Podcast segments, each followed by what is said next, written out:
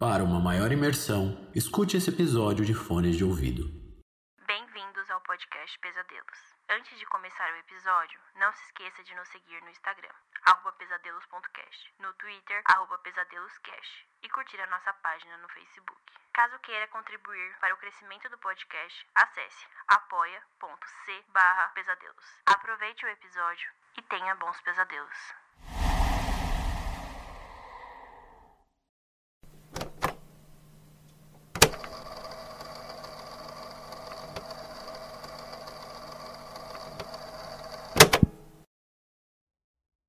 Eu sinto muito pela sua esposa, de verdade. Não deve ter sido fácil. Esse seu trabalho já é muito solitário. A propósito, você nunca encontrou outro exorcista? Encontrei sim, mas queria nunca ter encontrado. Relatos de um Exorcista, parte 8, por William Camargo.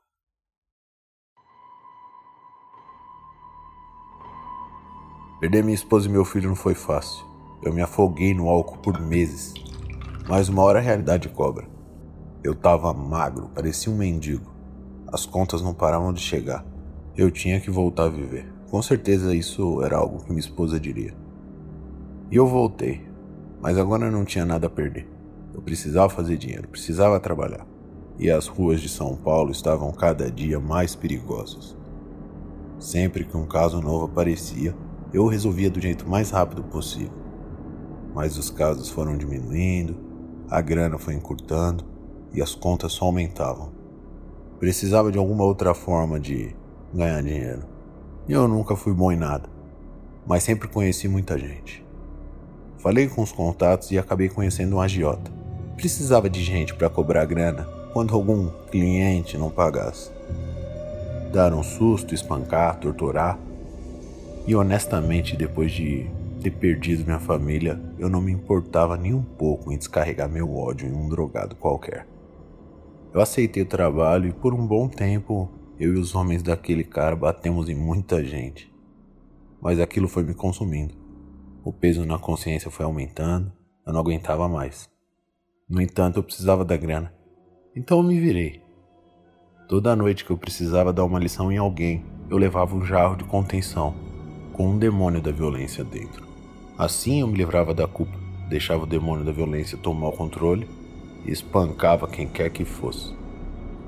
Mas aquilo foi perdendo o controle, até que eu matei um garoto. Devia ter uns 19 anos. Eu explodi a cara dele de tanto soco. O agiota me demitiu. Eu estava me tornando um demônio daquele. Foi então que eu recuperei a razão e fui fazer o que eu nasci para fazer. Apareceu um caso na mesma época. Uma menina de 9 anos havia arrancado o lábio do pai com uma mordida. Nenhum remédio adiantava, então eu fui chamado. Quando cheguei na casa, vi um homem saindo de lá, cumprimentando os pais da menininha. Eles agradeciam ele, e pelas vestes parecia um padre. Ele terminou de cumprimentar os pais da menina e passou por mim. Me encarou no fundo dos olhos. Ele entrou num carro e saiu.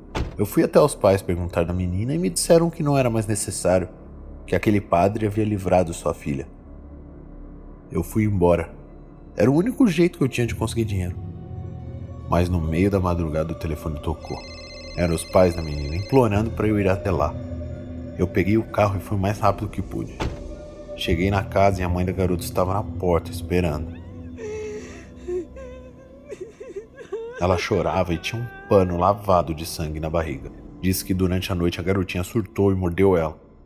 Eu já corri para dentro da casa e fui direto pro quarto da menina. Antes de abrir a porta, eu já senti uma energia familiar. Parecia outro demônio violento daquele que eu usava. Infelizmente, esses malditos são ruins de sair. É necessário o ritual certo. E a fase da lua também é crucial. Eu precisava de outra urna para prender aquele maldito mas eu só tinha uma e estava ocupada. Foi quando eu notei algo curioso. A menina usava um escapulário e era de Nossa Senhora da Paz.